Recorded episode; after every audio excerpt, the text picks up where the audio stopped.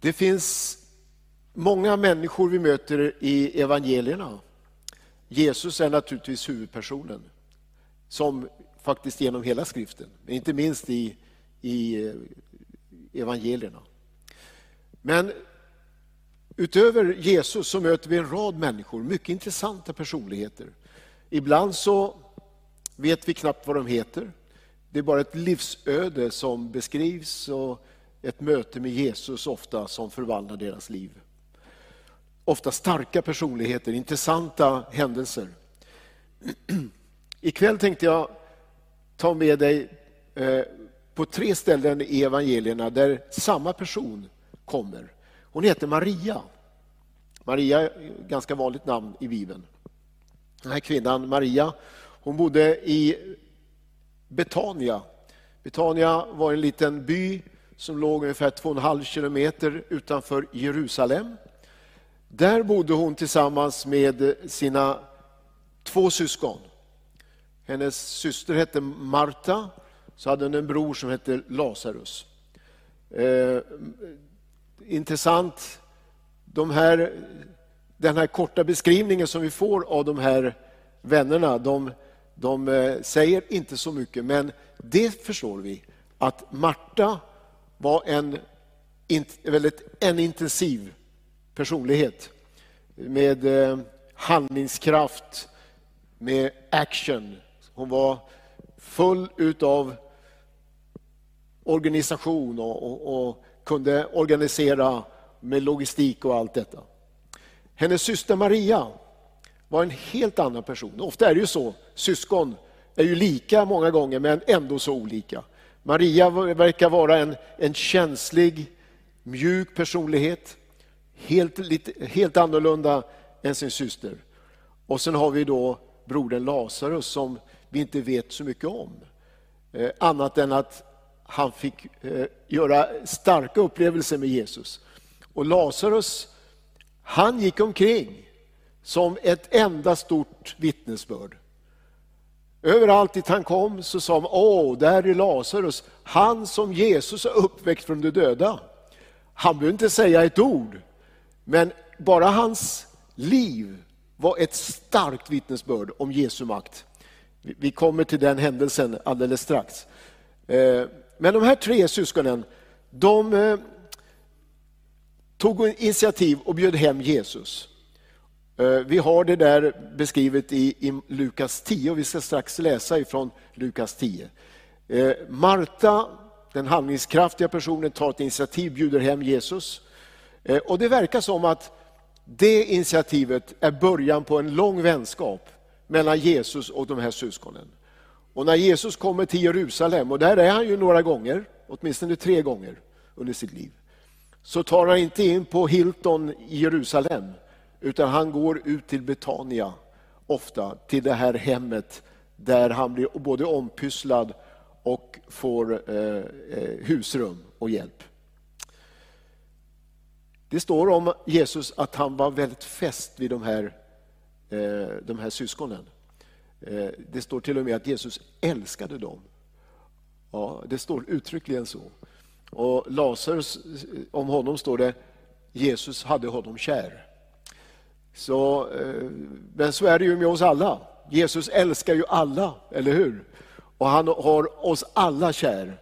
Men det står faktiskt uttryckligen om dem på det sättet. Maria, en av de här syskonen, hade hittat en plats som hon återvände till flera gånger. Och den platsen var vid Jesu fötter. Det är väldigt intressant att se hur hon hittade den platsen. Och vi ska läsa först då ifrån Lukas, det tionde kapitlet. Och vi läser från vers 38. Medan Jesus och lärjungarna var på väg gick de in i en by där en kvinna som hette Marta tog emot honom i sitt hem. Hon hade en syster, Maria, som satte sig vid Herrens fötter och lyssnade till hans ord. Marta däremot var helt upptagen med allt som skulle ställas i ordning. Hon gick fram och sa, Herre, bryr du dig inte om att min syster har lämnat mig ensam att sköta allting? Säg nu till henne att hon hjälper mig. Herren svarade henne, Marta, Marta, du gör dig bekymmer och oroar dig för så mycket. Men bara ett är nödvändigt. Maria har valt den goda delen och den ska inte tas ifrån henne. Maria har valt den goda delen. Maria hon upplevde så stora andliga behov. Hon hade en sån längtan. Och trots att hon kände trycket ifrån omgivningen och inte minst syster Marta, trycket att du måste ställa upp och hjälpa till nu, gör din del. Så var längtan så stark. Så hon nonchalerade faktiskt trycket utifrån och satte sig vid Jesu fötter för att lyssna till hans ord och för att få uppleva hans välsignelse i sitt liv. Att sätta sig vid någons fötter, ja det är väl uttryck för respekt och ödmjukhet, eller hur? Det är väl att inta den positionen där man känner du måste ge mig ett ord, du måste röra vid mig. Att sitta vid Mästarens fötter, det var ju faktiskt lärjungens plats. Eh, Paulus, lite senare, vet du, Paulus blev en, en apostel, han var ju en förföljare till församlingen. Men han var en, en, en mycket lärd jude och han sa vid ett tillfälle, jag har fått min utbildning vid Gamaliels fötter. Gamaliel han var en, en känd, mycket känd lärare, professor. Och han sa, jag har suttit vid hans fötter och lärt mig. Så det var platsen vid någons fötter, vid där lärjungen satt för att lyssna på sin mästare. Och så var det faktiskt här. Maria med sin längtan, med sin obeskrivliga längtan, så sätter hon sig vid Jesu fötter och lyssnar. Och säger, Herre, tala in i mitt liv. Visst är det vacker, vacker syn. Och nog känner vi igen oss många gånger, eller hur? När vi har den där längtan efter efter att få ett ord ifrån Gud, att höra Gud tala in i våra liv.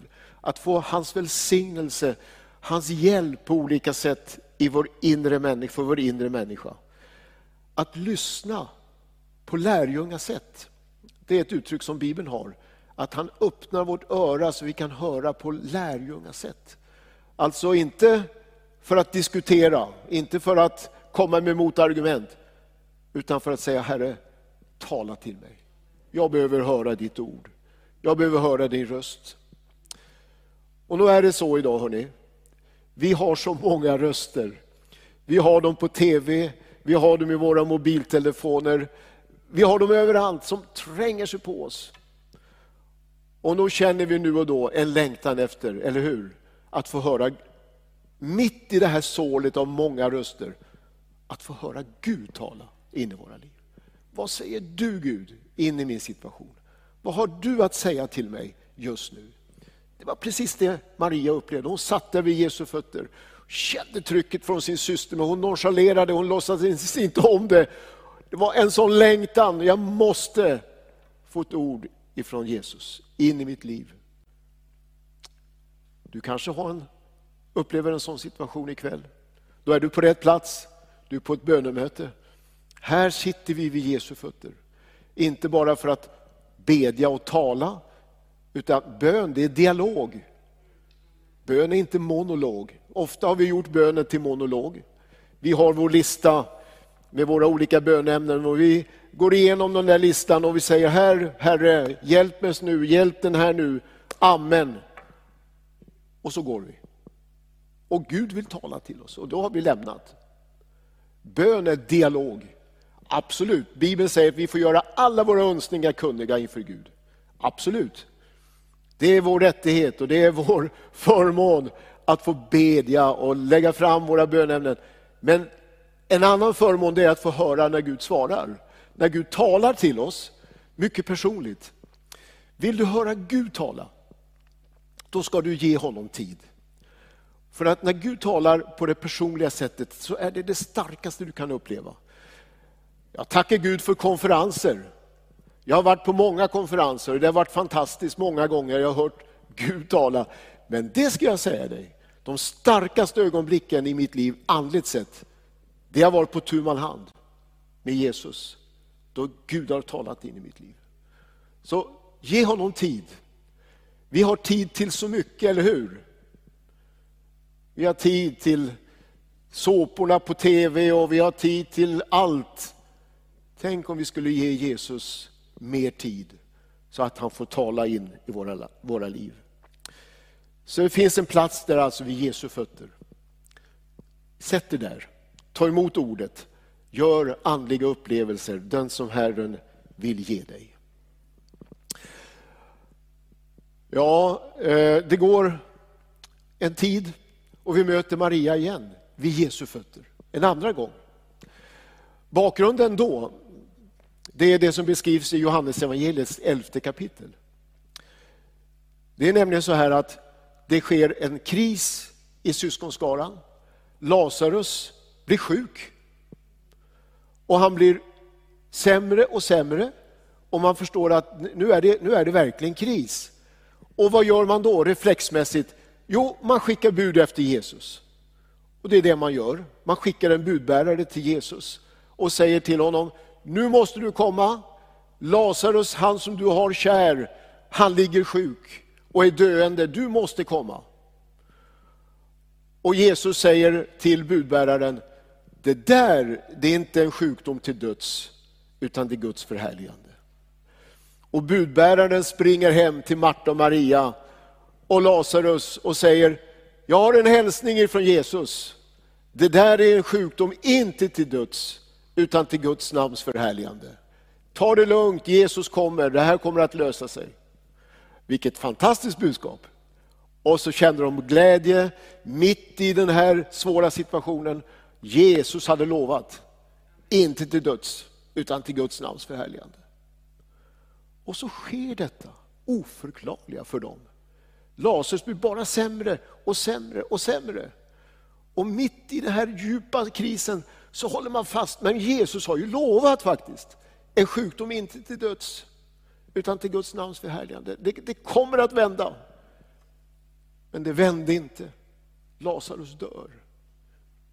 Och man förstår ingenting. Dels upplever man denna bottenlösa sorg efter den älskad broder som dör. och Allt det praktiska kring en snabb begravning som det ju var på den tiden i det där varma landet nere i Israel. Eh, och dessutom alla de andliga frågorna som fanns kvar. Men Jesus lovar ju. Vad är det här? Kan man inte lita på det Jesus säger? Förstår du? Sorgen, frågorna, allt det här. Och så kommer då äntligen Jesus, men för sent. Fyra dagar för sent kommer Jesus. Och Marta, den handlings, mest handlingskraftiga av dem, hon är först ute och möter Jesus. Och det de hade pratat om så mycket, det är det som kommer direkt. Jesus, om du hade varit här, då hade inte Lazarus dött. Men nu var du inte här. Du lovade, men du var inte här. Och Jesus säger till Marta, han ska stå upp igen. Ja, säger Marta, jag vet, en dag den, i framtiden så ska han stå upp igen, det vet jag. Så Marta hade mycket tro för gårdagen. Hon visste att hade Jesus varit där, då hade han inte dött. Och hon hade väldigt tro för det som skulle hända framöver. Men hon hade väldigt lite tro för det som var just då. Och Jesus sa, om du tror nu så ska du få se Guds härlighet. Och Marta förstod ingenting. Hon går tillbaka och hon träffar Maria, hennes syster. Och där läser vi då ifrån Johannes 11, vers 32. Ska du se eh, vad som händer. Så här står det, eh, 11 och 32.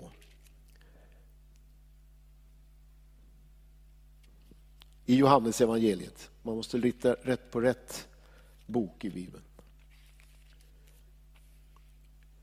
När Maria kom till den plats där Jesus var och fick se honom föll hon ner vid hans fötter och sa till honom, Herre, om du hade varit här skulle min bror inte ha dött. Ser du? Hon tar platsen där vid Jesu fötter precis som hon hade gjort den, andra gång, den tidigare gången. Men nu så är hon där med sin sorg och med sina frågor. Jesus, varför gick det så här? Håller inte ditt ord att lita på? Vad är det som händer? Ja, det är en bra plats att vara vid Jesu fötter när vi upplever livets stora frågor. För de kommer, de möter vi, eller hur? Det är en bra plats att vara vid Jesu fötter när vi möter sorgen som slår sina klor i oss och vi sörjer någon som vi har hållit av oerhört mycket. Det vet vi, vad, vad det innebär. Tänk att det då finns en plats där vid Jesu fötter. Maria intog den och där så ställer hon sina frågor och där utgjuter hon sin sorg inför Jesus. Och där får hon också uppleva att det finns en öppning inför framtiden. På söndag ska vi fira alla helgons dag, eller är det på lördag, men på söndag kommer det här i kyrkan troligtvis predikas om, om det hoppet vi har. Så det ska vi inte tala om nu, men vi vet att i sorgen så finns det ett hopp för en som tror på Jesus. Jesus säger just i sorgehuset, den som tror på mig, han ska leva om han än dör. Den som tror på mig, han ska leva om han än dör. Jag är uppståndelsen och livet. Vilka fantastiska ord. Och de uttalar Jesus just i ett sorgehus faktiskt. Och han står för dem. Och vi vet att livet återvände in i den döde brodern. Det var en, en märklig situation som händer och vi ska inte gå in i just detta. Men min uppmaning till dig ikväll det är, ta din sorg till Jesu fötter. Ta dina frågor till Jesu fötter. För där finns det både tröst och svar och hjälp. Det är en rätt plats att bearbeta både sorgen och frågorna. Vi möter Maria en gång till och det är sex dagar före påsk. Så står det i det tolfte kapitlet i Johannes evangeliet. Sex dagar före påsk kom Jesus till Betania där Lazarus bodde, han som Jesus hade uppväckt från de döda. De ordnade en festmåltid för honom. Marta passade upp, som hon brukade, och Lazarus var en av dem som låg till, låg, låg till bords med honom. Då tog Maria en flaska dyrbar äkta nardusolja, smorde Jesu fötter och torkade dem med sitt hår och huset fylldes av doften från oljan. Vilken vacker syn, en av Bibelns allra vackraste syner. Det är när Maria, för att uttrycka sin tillbedjan, uttrycka sin tacksamhet, sin kärlek, sin beundran till Jesus, tar den här dyrbara flaskan. Det står i ett annat ställe att det var nardus, det var en av de finaste parfymerna man kunde få tag i. Och den var värd 300 eh, dagsinkomster. Du kan räkna om vad det blir. Eh, i, om du räknar vad, vad, du får om dagen när du tjänar och så tar du det gånger 300. Det var en, en mycket dyr olja som hon bröt sönder. Det var en alabasterflaska, så hon, det fanns liksom ingen kork man kunde hälla ut lite grann, utan det var allt eller inget. Hon bröt halsen av den där flaskan och göt ut oljan. Och huset fylldes av väldoft. Och där vid Jesu fötter så fanns hon, torkade hans fötter, uttryckte på detta praktiska sätt sin oerhörda tacksamhet, sin beundran till Jesus, sin tillbedjan. Visst är det vackert? Och där, där kände de doften, denna fantastiska doft. Och den, den satte sig i Jesu kläder. Jag är nästan säker på att några dagar efteråt när Jesus satt i nattvardssalen och instiftade nattvarden med sina lärjungar så kunde man känna en doft i Jesu kläder. Vad var det för något? Nardus, det luktade som nardus. Visst, det var en tillredelse. Kvinnan hade visste och förstod profetiskt sett att hon skulle göra den här tjänsten. Det var en, en smörjelse för Jesu kropp som en förberedelse för hans begravning.